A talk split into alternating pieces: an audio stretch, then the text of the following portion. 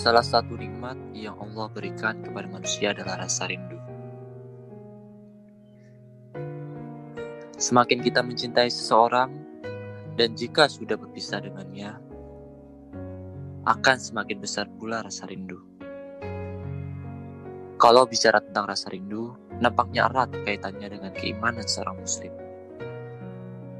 Akan sosok mulia sang Rasulullah Shallallahu Alaihi Wasallam Merindukan Rasulullah berarti mencintainya dengan berlandaskan cinta kepada Allah Ta'ala.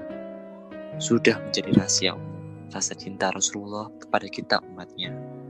Tapi, pertanyaannya adalah, apakah perasaan rindu kepada Sang Rasul masih sering hadir dalam ingatan kita?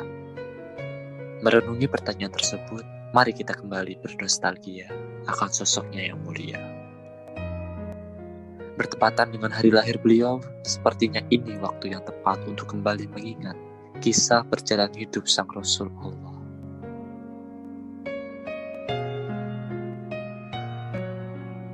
Seorang bayi mungil yang terlahir dari ibu yang bernama Saidah Aminah bin Wahab dan ayahnya Abdullah bin Abdul Muthalib. Bertepatan pada tanggal 12 Rabiul Awal tahun gajah, bayi tersebut diberi nama Muhammad yang mana hari kelahirannya di setiap tahun diperingati sebagai Maulid Nabi. Ini juga menjadi salah satu perjalanan penting di kehidupan Rasulullah dan agama Islam yang selalu dinantikan pada setiap tahunnya. Nabi Muhammad yang terlahir di tengah-tengah masyarakat Quraisy yang pada saat itu memiliki budaya di mana setiap anak yang baru lahir akan dicarikan seorang ibu susu. Begitupun baginda Nabi setelah kelahirannya, beliau disusui oleh Suwaibah, Ummu Aiman, Barakah Al-Habsiyah, dan yang terlama yaitu Halimah Sa'diyah yang sangat tulus menyusuinya. Nabi Muhammad menghabiskan waktunya di Mekah hingga usia 40 tahun. Dan beliau diangkat sebagai nabi dengan ikram melalui malaikat Jibril. Kemudian beliau hijrah dari Mekah ke Madinah dan menetap di sana dalam perjalanan hidup beliau, banyak sekali peristiwa-peristiwa penting yang semuanya tercantum serta tercatat rapi dalam kitab-kitab hadis dan siroh. Ada empat sifat yang paling menonjol yang dimiliki oleh sang nabi, yakni sidik, amanah, tablik, dan fatona.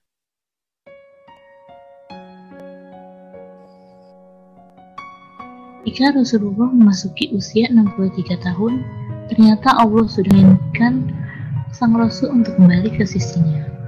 Malaikat maut diperintahkan oleh Allah untuk bertamu ke rumah sang baginda Rasul dengan tujuan mencabut nyawa sang Nabi. Ketika menjelang ajalnya, beliau mengumpulkan para sahabatnya di rumah Aisyah. Kemudian Rasulullah memandangi satu persatu dengan berlinang air mata. Lalu bersabda, Semoga Allah menjaga. Semoga Allah menyayangi, menolong, dan memberikan petunjuk kepada kalian. Sungguh tidak ada yang sanggup melihat Rasulullah saat ajalnya direngkup oleh malaikat Israel. Beliau sempat berkata kepada Ali dengan terbata-bata, Peliharalah sholat dan peliharalah orang-orang lemah di antaramu. Saat beliau wafat, beliau tetap mengingat umatnya yang disebutkan sampai tiga kali. Umati, umati, umati.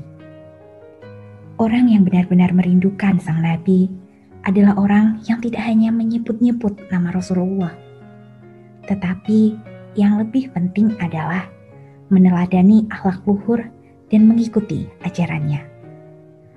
Allahumma sholli ala Muhammad wa ala ali Muhammad.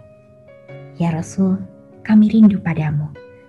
Ya Allah, izinkan kami bertemu kekasihmu yang mulia itu di akhirat nanti.